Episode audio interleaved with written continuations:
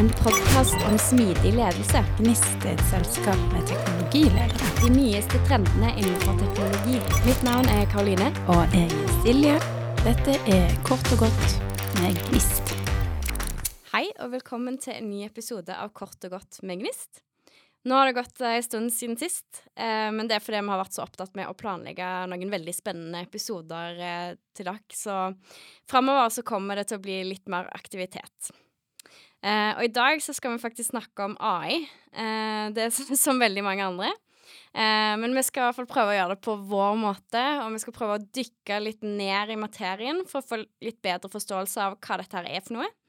Og se litt på hva og hvordan man kan bruke noen av de mest populære verktøyene. Og I denne episoden så kommer vi til å si AI. Eh, vi kunne også sagt KI, eh, men eh, for enkelhets skyld så blir det AI i dag. Eh, og jeg har faktisk med meg eh, Tommy Bommen i dag, eh, som er en kollega i Gnist. Um, jeg var inne Det jeg pleier å gjøre, da, er at jeg går inn på gjestene sin uh, LinkedIn-profil for å liksom se hva Om det er noe morsomt jeg kan trekke fram. Um, det som er veldig sånn slående med Tommy sin profil, er jo at han liksom har vært sånn Mr. Agile Coach uh, lenge før det var en ting. Ja, begynte tidlig. Ja, begynte tidlig. Liksom pioner. Um, og nå har du blitt en slags AI-ekspert. Det er vel kanskje å ta det litt langt, men uh, i hvert fall den uh, bruker det mye og snakker mye om det og er ekstremt nysgjerrig og interessert i det. Uh, og det tror jeg er et fint utgangspunkt for denne type samtaler. Å faktisk ha noen som har brukt mye, og kan si litt om hva er det egentlig man kan bruke dette til. og så har, vet jeg at du også har satt deg litt inn i hvordan dette er bygd opp, så vi skal også gå litt inn, inn i det tekniske. Og kanskje også litt i farene. Eller er det noen farer? Det må vi også først diskutere, selvfølgelig. Eh, men vi får begynne litt sånn uh, fra scratch. Litt basic. Sånn. Ja. Så hva er AI? Artificial Intelligence?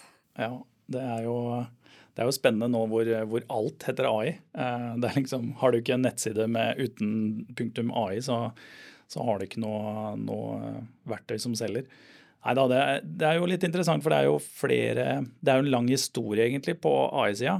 Eh, I hvert fall fra, sett fra IT og de tekniske tingene. Som kanskje begynte da med maskinlæring og de tingene der, da. Så helt tilbake til Turing og, og, og hva, som, hva som startet egentlig før man kunne kjøre det man i dag ser som AI, da. Altså, Turing, eh, som var en matema engelsk matematiker, eh, som kanskje noen har sett i Invitation eh, Game-filmen, eh, eh, der man har denne Turing-testen, som går ut på å se om liksom, kan man få en maskin til å lure et menneske til å tro at maskinen er et menneske. Ja, ikke sant. Og eh, altså, altså, helt tilbake i 1930- og 1940-årene så var det jo teoretisk ting som man begynte å jobbe på. Men, eh, men, da hadde man jo ikke datamaskiner eller ting som kunne dra dette her rundt. da. Så det var jo ikke før eh, ja, 1970, tenker jeg, som var eh, litt mer Da hadde vi plutselig hardware som vi kunne kjøre og, og teste ut en del ting, da. Og så er det veldig mye snakk om sånn generativ AI. Men hva mener man egentlig med generativ? Ja, så, så nå har man jo fått mer å, å snakke om rundt på en måte begrepet AI. da. Så nå, ikke, nå, snakker vi ikke om maskinlæring lenger, nå snakker vi om AI. Og, nå, og en av de er jo da generativ AI. Og eh, generativ AI er vel en sånn typisk eh, Hva skal jeg si Den typiske varianten er at du, du prater med, eh, med AI-en, på en måte, med systemet. Så, så det systemet er da eh, laget slik at det kan svare på en, en prompt, da, som det gjerne kalles, en input. Og så er det da eh, genererer den tekst, og derav generative, da, altså den genererer tekst, bilder eller annen type data da, i respons til eh, en input, en prompt. Men du sa noe, altså maskinlæring. Er det maskinlæring bak generativ AI, eller er det noe annet igjen? Uh, man kan jo si Ja, det er jo maskinlæring uh, på en måte som gjør at den har gjort en del maskinlæring, så den har kjørt en del hvis vi, begynne, hvis vi kommer inn i algoritmer og den type ting. Men, men i hvert fall det er grunnleggende ting som er gjort i, bak kan du si, bak dette som gjør mulig å generere opp tekst og bilder og disse tingene basert på det den får inn, fordi den har sett dette før. Så det er en form for pattern matching eller den type ting da, som går ned i, i Ligner veldig på, på maskinlæring. Men hvis vi, hvis vi, ser på den tradisjonelle maskinlæringen, så var det ofte sånn at den lette etter eh, patterns og, og, ting som var Jeg kommer til å prate litt sånn engelsk-norsk, så dere får bare unnskylde meg. det blir litt sånn. Um, men da, da, var det jo veldig at den var ute og kikket på data og så etter mønstre som den lette etter, og fant da mer og mer mønstre og lærte seg ut fra det. Så nå har vi på en måte litt snudd hele greia på hodet, og så, så er det jo egentlig um, Vi gir en beskjed, og ut ifra de mønstrene den har sett, så klarer den å gjette på, eller uh, klarer å da lage en respons til oss som gjør at vi, vi tror den er smart, rett og slett. Jeg leste også jeg tror det var i Inga Strømke sin bok, um, om et sånn opprop fra noen kunstnere som mente at disse her um, AI-modellene stjeler jo kunsten. Til, som, altså, det er jo på en måte menneskeskapt kunst, og så genererer jo AI nye bilder, men det er jo basert på faktisk eh, menneskelig åndsverk. Ja, det, og det er jo kanskje en av de litt uh, interessante og dypere diskusjonene man må ha etter hvert her, det er jo treningsdata. Så Eh, nå nevner du jo bilder og kunst og den type ting, så det er jo en av de sidene som man har sett eh, AI, og spesielt denne generative AI-versjonen, da, kan du si, eh, komme ganske sterkt. og det var jo der jeg startet. Så jeg begynte jo med å lage fantastiske bilder. Og de har jo bare blitt bedre og bedre og vanskeligere og vanskeligere å se om det er et ekte bilde, eller om det faktisk er skapt av, av en algoritme, da. Så ja det er litt spennende. Så Men du er ikke redd for å på en måte gi fra deg eh, bilder av deg sjøl? Jeg tror det løpet er kjørt, da. Altså sånn jeg tror, jeg Det ligger man, så mye på Google uansett. Ja, ikke sant. Så, så, det er ikke Nå trenger de kanskje ti bilder for å lage en full greie av deg. Mm. Som du kan eh, lage deg en video, du kan gjøre hva du vil med det. Det på en måte eh, Det som er bygget opp av det. Og det er jo helt sprøtt. Så, og det finnes jo vi ser jo mer og mer verktøy som tar dette mer og mer i bruk nå. Nå kommer jo til og med Adobe med en egen versjon. Ja. Så nå, nå, begynner det å bli ganske businessnært da, for folk. Eh, og da blir det jo mye mer reelt. Mm. Så ikke sant, når vi begynte å, å leke med disse verktøyene, ja, for min egen del litt sånn sent i fjor, så, så var det jo det å generere ut fra en beskrivelse som du lagde. Men nå er det jo sett at eh, nå, nå, finner man jo også muligheter med å ta bilder og endre på de eh, ved bruk av eh, verktøy. Og det ligger masse modeller i, bunnen der som selvfølgelig krever en del hardware og en del teknologi. Men det er nå blitt såpass bra at du, du kan endre på bilder nesten uten å ha noe særlig med kunnskap om det fra før av. Ja, det blir en sånn der trykk på en knapp, og så fikser han bildet. Eller gir noe input, da. Ja, altså nå er det jo i noen av disse tilfellene så kan det jo være at du, du har bilde av en hund, men den står på alle fire. Du vil at den skal sitte. Så du, du, du, bare lager et punkt på bildet, drar på en måte rumpa ned, så sitter den hunden. Ja. Så ser det ut som det er et helt vanlig bilde. Det er jo rimelig fantastisk. Og, og så photoshopping blir nok et litt nytt begrep etter hvert. Ikke sant? Ja, nei, det er jo en del yrkesgrupper som er litt bekymra. Eh, gjerne illustratører eh, og journalister, eller alle som genererer måte, innhold. Eh, kanskje spesielt reklame, eh, som er mye litt sånn repetitivt eh, selgende tekst, da. Så det blir jo spennende å se om det moderne arbeidslivet kommer til å endre seg som et resultat av dette? Ja, det vil jeg tro. Og vi har jo vært ute hos noen av våre kunder og snakket litt om dette her også. Og der er det jo en nysgjerrighet eh, og en vilje til å bruke det til eh, noe positivt. Det er jo ikke sånn at du får denne katten inn i sekken igjen, holdt jeg på å si. Nå er det jo fælt å putte katter inn i sekker, men, eh, men det er i hvert fall du, du, kan ikke gå tilbake på det her nå. Nå er verktøyene der ute. De, er, de synes, og folk bruker de overalt. Eh, men det som er utfordrende, er jo kanskje det at du, du, du har ikke en forutsigbarhet i hva du lager. Eh, særlig når du baserer dette på, på input. da. Så, så, kan du gi samme input, men få to vidt forskjellige bilder.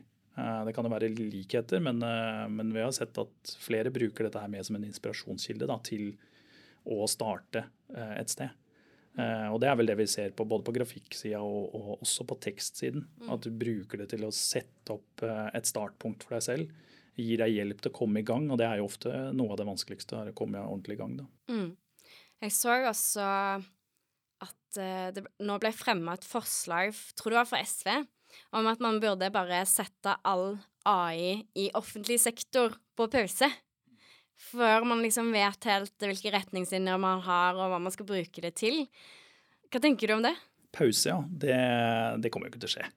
altså, det er litt sånn uh, Ja, det er, et litt merkelig begrep, egentlig. Uh, jeg skjønner jo på en måte innføringen av det, og, men, men, folk bruker det jo nå på privaten, de bruker det i jobb. Man begynner å bli vant til det. Det er tilgjengelig egentlig på telefon, det er tilgjengelig på PC-en din. ikke? Så, så stopp stoppe det er veldig vanskelig, da. Uh, Dette var jo mer sånn i offentlig sektor, men jeg tenker jo at eh, det er jo litt vanskelig å vite hvor grensen Altså hva det man mener med AI, da, fordi man bruker jo masse AI. Jeg er sikker på både i skatteetaten og i Nav, som gjør ganske avanserte kalkuleringer, at man har en del maskinlæringsmodeller som kanskje ikke er sånn superavansert, men som faktisk egentlig går under AI betegnelsen, da. Mm. Så nei, det blir spennende å se hva de uh, lander på det. Men uh, det, er jo, det, er jo, veldig mye snakk om uh, reguleringer og hvordan man skal håndtere dette. EU skal jo ha en stemme over et lovforslag nå i juni. Um, som går på Jeg tror det heter AI Act. Um, har ikke satt meg sånn kjempegrundig inn i innholdet, men jeg har skjønt at det er litt sånn Noen er ikke helt fornøyd med hvor, hvor langt det går, da, men det er jo en tanke om å beskytte personvernet, da? Ja, personvernet er jo én ting, og selvfølgelig da på en måte folk eh, Noen frykter at dette her vil påføre Altså at man taper jobber og, og sånne ting, og det kan nok hende, det. Eh, vi ser jo at bruken av den er jo mer enn support, altså mer enn støtte for veldig mange forskjellige arbeidsgrupper i dag. Eh, nå tok jeg en liten ringerunde før jeg kom hit i dag, da, så, så jeg snakket jo med med noen av mine venner og, og min familie som jobber som lærer. Uh, og det var jo kjempeinteressant. Uh, der er det jo um, alt fra frykt til, til, det å kunne lage oppgaver, til det å kunne lage et opplegg hvor man lærer seg å bruke AI på en god måte i skolen. Mm. Så her har du jo alle nivåene. ikke sant? Så, så det er mange utfordringer. Der er det også startet et litt lengre prosjekt som skal se på disse tingene. Da, hvordan du rett og slett kan bruke dette på en god måte. Mm. Uh, ikke sant? For å se på muligheten, ikke bare på Ja, ikke sant. Så, så, det å stoppe det vil, vil, jo være en litt sånn rar greie. Jeg tror mm. ikke det vil, det vil ikke ha noe særlig effekt, tror jeg. Um, og jeg har jo snakket med flere kolleger rundt omkring og ute hos kunder og, og sånn, og det er jo Folk bruker det jo også på privaten. Så da, da, da sitter de på mobiltelefonen da, hvis de skal løse noe, så, så mailer de den til seg selv, og så, så er det sånn de gjør det. Mm. Uh, så de, de, finner en vei, og det er jo fordi det, det gir en viss verdi, da. Ja. Jeg så også en sånn uh, video på LinkedIn uh, i dag, um, der noen har fått uh, chat-GPT til å skrive sånn VBA-kode for å lage en powerpoint. sånn visual basic Hva det står for, egentlig? A...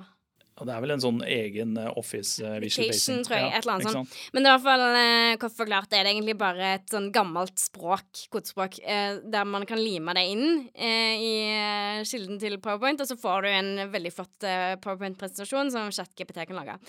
Og det hadde jeg digga, fordi selv om jeg er på en måte konsulent, og jeg alltid har trodd at konsulenter sin hovedoppgave var å lage powerpoint-presentasjoner, så er det noe jeg virkelig misliker. Så er det bare sånn Yes, nå Så kan man jo bare liksom Hvis man har et kult layout, så kan man bare endre litt på tekst og gjøre litt sånne greier. Så sånne ting eh, tror jeg kan bli veldig nyttig, i hvert fall for min del, da. Det er, der, eh, det er jo der Microsoft har gjort noe smart eh, når de støttet eh, OpenAI, som har da ChatGPT. Um, og den uh, motoren der, for å kalle det det. Så, så det, det kommer jo masse der nå etter hvert til Office-produktet. Så, uh, så, jeg vil ikke være så redd for å lage slides. Selv om jeg, jeg syns jo det er gøy. Ja. Å Være litt kreativ og finne noen gode bilder og prøve å få mye, mye informasjon ned på noen få punkter og sånne ting. Ja, jeg føler jo det... det er litt gøy, da. Ja. Så jeg mister den da, antageligvis. Vi får se. Å nei, det Det er noe av det kjedeligste jeg vet. Så, Du og min samboer. ja, Så- det, der er man forskjellig. Um, men nå, var vi jo, nå kom vi jo akkurat sånn innom chat-GPT, da, så hvis vi kan jo fortsette litt i det, det sporet, da. Det var jo mye som skjedde før, eh, før ChatGPT og de tingene kom på banen. Ja. Uh, Det var jo noen modeller som har eksistert en god stund, altså GPT-modellene. GPT2 er vel av den open source-versjonen av uh, disse GPT-modellene som, som kom fra OpenAI. Eh, Og så endret jo de litt eh, eh, organisasjonsstruktur og ble mindre åpen og, og mer lukket. Eh, Og nå, nå tjener de jo penger på GPT. Så, eh, Closed, de skulle egentlig hete Closed Eye. ja, nå burde det kanskje gjort det. Men allikevel altså, har det vært en, eh, en reise for dem, det. Og det er jo ganske mange ting som spiller inn i en sånn type eh, løsning som ChatGPT. da. Eh, det er jo flere modeller egentlig som er tilgjengelige under, under panseret. Um, og noen av de er jo gode på kode. Mm. noen er gode på å ha lest bøker. Eh, jeg, jeg, jeg, hørte på en eh, litt annen podkast også. Det er, litt sånn, det er enklere å snakke om AI-en som en person, nesten. fordi at du, du, sant, måten du bruker den på også vil, vil, vil eh, det vil bli bedre hvis du tenker på den som en person, men samtidig så er det jo langt ifra en person, så man kan bli litt lurt eh, innimellom. Men det er, det er jo da en, en datapakke som er på en måte bygd opp eh, gjennom eh, mange, mange år, faktisk. Eh, Denne webcrawl-biten som har Det er vel en ja, sju-åtte år med crawling av nettet for å finne data. Eh, og så er det jo tilhørende utfordringer med det, selvfølgelig, med lagring og den type ting. Og, og ut ifra det så har man da laget seg sånne modeller og, og skal jeg si, datasett da, som man gjerne bruker i disse um, forskjellige verktøyene. Og her kommer det jo daglig eh, nye modeller, faktisk. Så det fins jo steder Nå er jo Vi snakket om open og closed. Eh, nå fins det jo også mer og mer eh, open source-alternativer, og delvis open source-alternativer, hvor, eh, hvor du kan eh, lisensiere eller, eller bruke en pakke eh, lokalt. Da. Altså Du kan på en måte ha dine egne ting eh, inn i modellen, og du kan kjøre den på en måte på din egen hardware. Så jeg, Altså din egen At den kjører treningen på Tren- min data. Ja, mye, ja ikke sant? Ja. så du har en, på en måte en bas, en fundamentalmodell, da, som ofte er det som ligger liksom egentlig under en LLM, da, altså en språkmodell som vi nå snakker om, så, så ligger det en sånn fundamentalmodell som inneholder veldig mye av de eh, tingene som, eh, som brukes. Um, og det er jo på en måte språk og de litt mer sånn generelle tingene, da. De fundamentale tingene, for å kalle det det. Ja. Så, um, så, så har du muligheten for å tune og, og på en måte bruke dine egne data, andre datasett, for å få spesifikk bruk av den eh, modellen og det verktøyet. da. For um, dataen som ChatGPT har, lag- ehm, har trent på, det er informasjon som bare ligger ute på nett, eller? Ja, eh, noen av disse datasettene som den eh, bruker, har jo vært eh, altså sånn som den webcrawlen som vi snakket om tidligere. Noen ganger så, så, så bruker de på en måte De starter, la oss si, på, på Reddit av alle ting. Så, så går de ut fra Reddit eh, og finner lenker som kommer derfra, og så utover og utover, og så bare vokser det eh, utover. Og så crawler man videre. Man krabber liksom igjennom nettsidene, leser alle nettsidene, henter inn data, bygger da opp et eh, et, eh, et, eh, hva skal jeg si, et datasett ut fra det. Eh, uten å gå for mye detaljer på det, så er det jo Det er noe som skjedde i 2017. Som, det var skrevet en paper som heter 'Attention is all you need'. Og det var mange Google-folk som, som var med på den, husker jeg. Og da var det jo dette med en transformer som kom inn som gjorde ting mye, mye kjappere. da. Det er på en måte en arkitekturmodell. Så du, og du hadde allerede en veldig omstendelig arkitektur som, som på en måte krevde mye ressurser. Uh, og samtidig med det så fikk du også enda bedre hardware på skjermkortsida. Så du fikk bedre og bedre GPU-er. Og da, da begynte du å få fart på tingene. Så da kunne du sette veldig mange ting i parallell, og da begynte det å ta kortere og kortere tid. Og det er jo det vi ser nå, er at disse, disse nye modellene som kommer, som er gjerne open source, de, de har da blitt trent på helt nye eh, skjermkort, rett og slett. med mye av de samme datasettene, men kanskje litt eh, små varianter her og der. Og så har de kanskje gjort noen valg underveis som kanskje GPT4 ikke har gjort. da. Nå vet vi jo veldig lite om GPT4. Vi vet mye mer om GPT3 f.eks. Ja, jeg føler jo at eh, ChatGPT har blitt litt den nye kvinneguiden. Hvis man lurte på noe, så gikk man alltid på kvinneguiden. Eller det var alltid det som dukka opp når du googla noe. Mens nå kan du på en måte bruke ChatGPT istedenfor. for. Um, ja. ja. Det er litt spennende, for det, du kan tenke på, hvis, hvis man tenker litt på hvordan det er bygd opp, da. Så, så, det er jo helt sprøtt eh, at dette skulle bli så kraftfullt som det har blitt. da, Når man tenker på liksom, teknologien og, og, og, de tingene, sånn, sånn som f.eks. denne transformer-biten og, og, dette er bygd opp, så har du på en måte en inngående prompt, altså denne setningen som du skriver eller spør om. ikke sant, Kan jeg oversette noe, f.eks.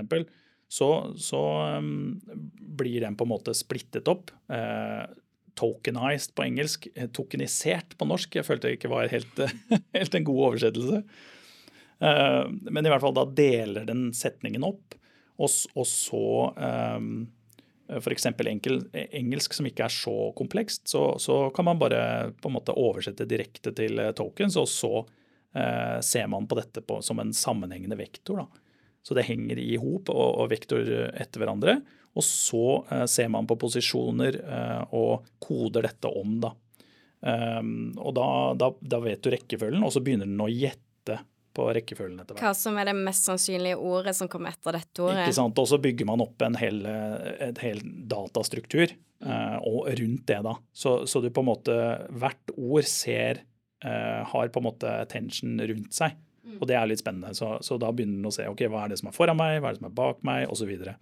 så så jeg tenkte litt på det. Liksom, hvordan, hvordan, hvordan, kan man forklare disse tingene? Da? Så, så, her begynner man å, å bygge opp da, en datastruktur for å ja, representere og oversette f.eks. en tekst man ønsker å oversette. Uh, og så har man jo ulike måter hvor, hvor, dette her på en måte har blitt forsterket eller forbedret. Da, ikke sant? Så man har disse ulike teknikkene. Uh, hvor man kan på en måte supervise eller uh, være med å bestemme hva som er bra og hva som er dårlig. da. Så man kan eh, styre modellen litt i, retninger, ulike retninger. Altså brukerne? Ja, på en måte, men samtidig, samtidig så er du, er du egentlig på datanivået nå, da. Okay, okay. Så, mm, så, du er og ser på hvilke data er det som, som er uh, riktig eller bedre enn de andre dataene. da. Ja, ikke sant. Mm. Det var noe morsomt, for du sa også at dette var veldig kraftfullt. Og det er det jo på flere måter, fordi det bruker også ekstreme mengder kraft. Ja? Og, og, det er kanskje? Det er enorme mengder med, med, med data. da. Eh, nå husker jeg ikke helt eh, ordrett hvor mye data det var, men det, vi snakker om sånn petabyte. og det er, det er, på en måte helt vanvittig mengde med data. dette her. Ja, jeg tror eh, man uh, regner at en sånn LLL, LL, M-modell, som dette eh, bruker like mye energi som 56 menneskeliv. Ja. Det er jo interessant sammenligning. Eh. Fra, fra, fødsel til død, da. Ja, ikke sant. Um, ja, men har jo sett noen andre tall flyte også, sånn litt på kostnadsmessig. Sånn at uh, OpenAI sin ChatGPT koster 7 millioner kroner om dagen, f.eks. Mm. Nei, 7 millioner dollar uh, om dagen. Um, og så er det folk som lager da dikt skrevet av uh, hva vet jeg, Barry White. Altså Den type bruk er jo på en måte ikke så nyttig, da. Men det er kanskje, samtidig da, så er det jo det som har gjort at vi, vi nå har denne diskusjonen og bruker disse verktøyene, er jo nemlig det at den har blitt tilgjengelig for alle. Mm. Så jeg, jeg, jeg, tror nok på et eller annet vis så, så kommer vi den pendelen til å gå litt tilbake igjen. da, At det, det blir liksom litt mer snevert kanskje hva vi bruker den til. Eh, den kan jo fortsatt kanskje være, være tilgjengelig, men, men, etter hvert så vil jo den business-casen på en måte komme tilbake og si OK. Det er jo mange startup som starter på minussida, for å si det sånn. Mm. Uh, og det tar litt tid å komme seg over på pluss. Uh, det er klart Med en sånt kostnadsnivå så, så, er det kanskje vanskelig å komme seg over på plussida. Ja, ja, og det er jo litt skummelt å tenke på også, for det betyr jo at dette må jo anvendes til å tjene penger på et vis. Ja, ikke sant? Og hva er det man tjener mest penger på? Mm våpen eh, Det var så, så der eh, Blant annet, da. Eh, men det var, det var også nettopp et sånn annet opprop. Det er mye opprop om dagen. da er de får rope, de roper mye. Men dette var jo eh, blant annet han eh, som er sjef for OpenAI, og litt sånn andre eh, næringslivsledere, da, som har eh, laget et sånn opprop. Center for AI Safety, heter det. Um, og der er de eh, veldig bekymra. Uh, og målet med det oppropet jo å redusere risikoen for utryddelse fra kunstig intelligens, og at det bør være en global prioritet. Ja, uh, og det er jo her, eh, er, ikke sant? Dette her det dukker opp, og så, og så får media tak i det, og så spinner det av gårde og blir noe helt annet ofte da. Um, så den initielle runden vi hadde med, med frykt, eh, var jo selvfølgelig at man forsto ikke hva dette var. Eh, veldig mange brukere forsto ikke hva det var, og, og på en måte spurte om ting. Vi så jo oppslag om at, eh, at Bing og litt av hvert eh, fortalte på en måte brukerne at han kunne gjøre ting og gå fra kona si og sånne ting, som, som på en måte ble litt søkt. For det, det er tross alt bare en hva skal jeg, en Word-kalkulator. For å være litt sånn stygg, så er det, jo, er det jo veldig enkle greier sånn sett. Men samtidig så betyr det jo at den kan ta en del ustrukturert input og gjøre noe med det. Eh, og så ut ifra det gjøre andre ting. ikke sant? Så, så på en måte du får en eh, Jeg liker å tenke på det som en, en, en assistent som ikke er på en måte en litt sånn juniorassistent som, som kan hjelpe deg med masse greier, men du må gi litt god guidance. da. Du må si hva er det du skal gjøre, eller i hvert fall hvilken retning skal du gå. Eh, La oss iterere over det, komme tilbake når du har noe, og så jobbe deg videre med det. Så en del av den frykten er på en måte Jeg kjenner ikke igjen på det vi har i dag av, eh, av AI-verktøy. Og så er det jo selvfølgelig folk som prøver seg på å lage ulike varianter som bygger opp på toppen av disse språkmodellene. Jeg tror også at litt av frykten handler om at eh, veldig mange av disse kraftige AI-verktøyene eies jo av sosiale mediekonsern, som Facebook og Snapchat og ja. Um, og Facebook, de det leste jeg også i den boken til Inga Strumke, da. De har mulighet De gjorde et studie som ble publisert i 2018, der de basert på en mengde Facebook-statuser kunne predikere om man ble deprimert tre måneder frem i tid. Og da sitter man plutselig på veldig sånn sensitiv data, personopplysninger og egentlig veldig sensitiv helseopplysninger. Um, og så har du også hun der Frances Haugen, jeg vet ikke om du husker henne, som eh, jobba i Facebook, men som eh, på en måte varsla om at Facebook har så De har så mye informasjon og så mange algoritmer til å på en måte finne ut ganske mye om folk. Ehm, som hun ble veldig bekymra for, også fordi man rett og slett ikke gjorde noe med det. At man hadde mye informasjon om på en måte tenåringer og den type ting. da. Ja. Nei, det, er jo, det er jo denne delings, hva skal kalle det, delingskulturen. Det er vel kanskje å dra det litt langt, men i hvert fall det at man gir fra seg og man lar systemer på en måte overvåke eller tilgang til bruksmønstre du gjør. da. Og man vet jo ofte hvor man er. Altså Man har lokasjonsdata, så man kan finne ut om en person har vært mye på sykehus. Altså Det er en del sånne ting, da. Ja. Det er klart, det å kombinere ulike datakilder har alltid vært spennende. Um, og da, uh, der, der ligger det jo mye interessant, da. Um, og så er det jo selvfølgelig da hvor mye du lagrer av dette her, og bruker det til ting som kanskje er utenfor hva man signer opp for, eller hva man vil uh, ønske å dele data om, da. Så jeg husker veldig godt uh, når det kom frem at uh, Facebook uh, åpnet mikrofonen din når du endret status eh, i appen, og, og da tok opp lyd omkring deg og hva som ble sagt og, og slik, og så fant eh, reklame som var eh, relevant for det som var temaet der og da. Det er jo helt sykt. Det er, det er ikke spesielt trivelig, Nei. eh, men da under eh, på en måte eh, term, eller Meningen var på en måte å gi deg bedre reklame som var relevant for deg. ikke sant? Så, så det er mye interessante God forskjellige jeg vet ikke hva jeg vil kalle det det, men, men det er mye sånt. da. Så, så det å være redd for eh, språkmodeller er nok ikke noe grunn i seg sjøl. Men det er klart, uh, det man ofte egentlig peker på, er jo en, en, en, en AI som går over flere typer modeller. Som kan bruke alle disse modellene i en og samme på en måte eh, holdt på å si kjøring, men som, nå så er det jo på en måte en AI som reagerer på en input. Mm. Gir du den ikke noe input, så skjer det ikke noe.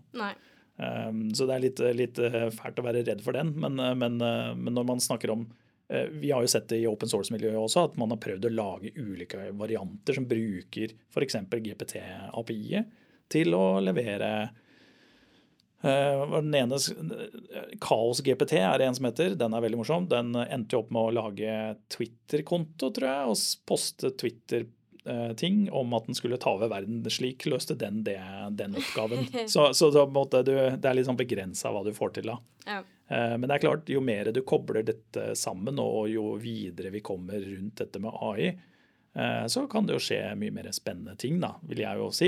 Eh, og da kan man jo være litt mer nøye på hva som skjer. Men eh, utfordringen kanskje som forskerne er mest redd for, er jo at eh, man får en, får en, på en, måte en fri bruk da, av et veldig kraftig verktøy. Mm. Um, som, som, man, som, ikke er så veldig smart. Vi snakket jo akkurat om hva den egentlig gjør. Uh, så det den er veldig god til, er jo å gjette hva du forventer at den skal si. Så Basert på statistikk og oppbygging av en modell. ikke sant? Det var jo også um, han ene en ingeniør i Google som jeg ikke husker navnet på, men som sa opp fordi og varsla fordi han mente at um, deres språkmodell, Lambda, hadde blitt bevisst. Mm. Fordi den hadde faktisk blitt så over, altså overbevisende eh, i sin måte å kommunisere eh, med denne her ingeniøren, da, som ble faktisk overbevist om at oi, det her, nå, det, nå er det skikkelig intelligente eh, maskiner her. Og det er, jo, det er, jo, det som er så fascinerende når du bruker en språkmodell, er at den, eh, den har jo en måte å kommunisere med deg på som gjør at eh, det du får tilbake, er liksom det du trodde du skulle få tilbake. Uh, og, mm -hmm. og det er jo hele hensikten. Så. Og det du vil høre, kanskje? Ja, i noen, ikke sant? det er litt sånn hvordan stiller du spørsmålet. Uh, uh, og jeg, jeg tror vi, vi, har jo ikke, vi har ikke evnen til å se alle disse dataene og alle disse på en måte mønstrene i de dataene som, som en sånn AI-modell, en språkmodell, har. Mm. Det er ekstremt vanskelig. Det er veldig, veldig mye data. Um, men, men, det å være god på å stille spørsmål og på en måte verifisere ting som blir sagt, det tror jeg bare blir enda mer og mer viktig. da. Uh, vi, vi, ser det jo, det er jo altså det er ikke lenge siden på LinkedIn at jeg så en eh, prompt engineer-rolle som man ønsket eh, besatt. Så man eh, søkte etter personer som hadde, i det tilfellet her, flere år med, med GPT-erfaring. Det var jo litt latterlig, men, men, det er i hvert fall en viktig skill, kan du si. Altså litt sånn som når vi begynte å bruke søkemotorer på nett. Hvor det å søke var, var, en måte du, du, kunne lære deg hvordan du søkte godt. og fikk de resultatene du ville ha. Jeg husker godt at vi, vi søkte på noe, så kanskje minus noen andre ord. Den type ting. Nå har jo de søkemotorene blitt enda bedre. Mm. Eh, noen vil jo kanskje si at det er blitt enda dårligere, fordi den skaper en liten boble, sånn at du, de, de, vet sånn noenlunde hva du er ute etter. Um, så du får ikke de outlierne som du kanskje ville fått ellers. Men, men i hvert fall, på samme måte så må du lære deg å bruke Eh, input-feltet da, på en ordentlig måte. Så du må spørre på en god måte. Du må kanskje også til og med eh, Nå har de jo gjort en del eh, tester og en del jeg bruker anførselstegn da når jeg sier forskning på en del av disse GPT-modellene. Så er det jo gjort tester på hva er det som kan redusere antall feil i feedbacken din, altså i, i det resultatet du får. Og en av de er jo rett og slett å be den om å gå igjennom da step for step. Hva er det du har gjort for å komme fram til dette uh, svaret? Og ofte da så endrer svaret seg, basert på at den må rett og slett bygge opp svaret annerledes, og da får du et annet svar. da. Det er jo utrolig spennende sånn type train of thought og den type ting, da. Ja. Som eh, modellen er tydeligvis ikke så god på sånn av seg sjøl. Nei, ikke sant. Så, så, jeg husker jeg gjorde en litt morsomt spørsmål. Så jeg spurte om det var bokstaven L fantes i Det var på engelsk da, så spurte om bokstaven L var i, i Sweden or Germany. Og da var jo svaret med en gang ja. Det er and, på andre bokstav og fjerde bokstav i det andre ordet. Så spurte jeg men kan du gå igjennom da steg for steg og vise hvordan du gjorde dette her, for å finne ut om vi har riktig svar. Og da var det jo definitivt nei her er det ikke noe L. Nei, det, det, er jo mye eksempler på at uh, disse språkmodellene lyver ganske mye. Ja, de hallusinerer ganske mye, som man gjerne kaller det. Så, så, det at man spør på en god måte, kanskje bygger opp en kontekst, viser litt hvordan er det jeg ønsker svaret mitt gitt, den type ting er veldig veldig viktig. Mm. Så, så er det noe man skal lære seg i dag, så tror jeg det er det man burde fokusere på. Hvordan skal jeg få det beste svaret ut av en AI som jeg egentlig ikke stoler på? Det er tydeligvis, det er jo bare en eh, litt sånn juniorassistent som du har til å hjelpe deg, som gjør mye av de oppgavene som du ikke har lyst til å gjøre selv. Og da, da, da kan du være god på å bruke AI da, hvis du, hvis du fyller ut eh, det spørrefeltet. Ja, og det virker jo som om eh, AI har kommet for å bli eh, så lenge, så det kan jo være en sånn der siste sånn eh, avslutning eh, av denne samtalen her. Det er jo liksom Det kan være lurt å sette seg inn i AI framover og finne ut hvordan man kan bruke det i arbeidsplassen. Ja, jeg tror, jeg tror, det er viktig at man vet at dette blir brukt, uansett om du vil eller ikke. Uh, kollegene dine vil bruke det. Du vil antageligvis uh, bruke det etter hvert. Da får vi håpe det. Hvis du, hvis du nøler, så vil jeg anbefale å, å, dykke ned og bare teste ut noen av de enkle tingene på, på nett. Uh, samtidig så er det jo en liten man må ha, Det er et lite varsko også. og det er jo litt på med, dette med datamodell og, og, på en måte hvor dataene kommer fra. kanskje litt rundt mangfold i dataene. Um, mye av de dataene er trent på, er kanskje skrevet eh, på engelsk, så det har en viss form. Eh, det tar kanskje ikke inn over seg nyere ting som har skjedd. Eh, altså, og kjønn ikke sant? Bare bruk av Reddit er jo på en måte 67 av Reddit-brukerne i USA er menn, og 64% er mellom 18 og 29 år. Så det, det, på en måte har noe å si på hvilke ord og uttrykk som blir brukt, og hvilke ting som er interessant. da. Så man må ha et visst forhold til, til hvilke data hvilke biaser som er i de dataene. Også når man også går inn i organisasjonen og kanskje bygger opp sin egen fine-tuning av en sånn type modell. Ja. Så bruk gjerne AI, men ta det med en klype salt. Husk ja. at det er en eh, amerikansk tenåring på gutterommet som har kommet opp med svaret. Eller en gjeng med gutter, kanskje. Enda verre. Ganske mange. ja, ikke sant. Nei. Eh, tusen takk for at eh, du kom, uh, Tommy. Det var veldig gøy å få prate litt med deg. Ja, det var gøy så er det bare å glede seg til neste episode, som kommer om ikke så veldig lenge. Takk for oss. En podkast om smidig ledelse. Gnist er et selskap med teknologiledere. De nyeste trendene innenfor teknologi. Mitt navn er Karoline. Og jeg er Silje. Dette er Kort og godt med Gnist.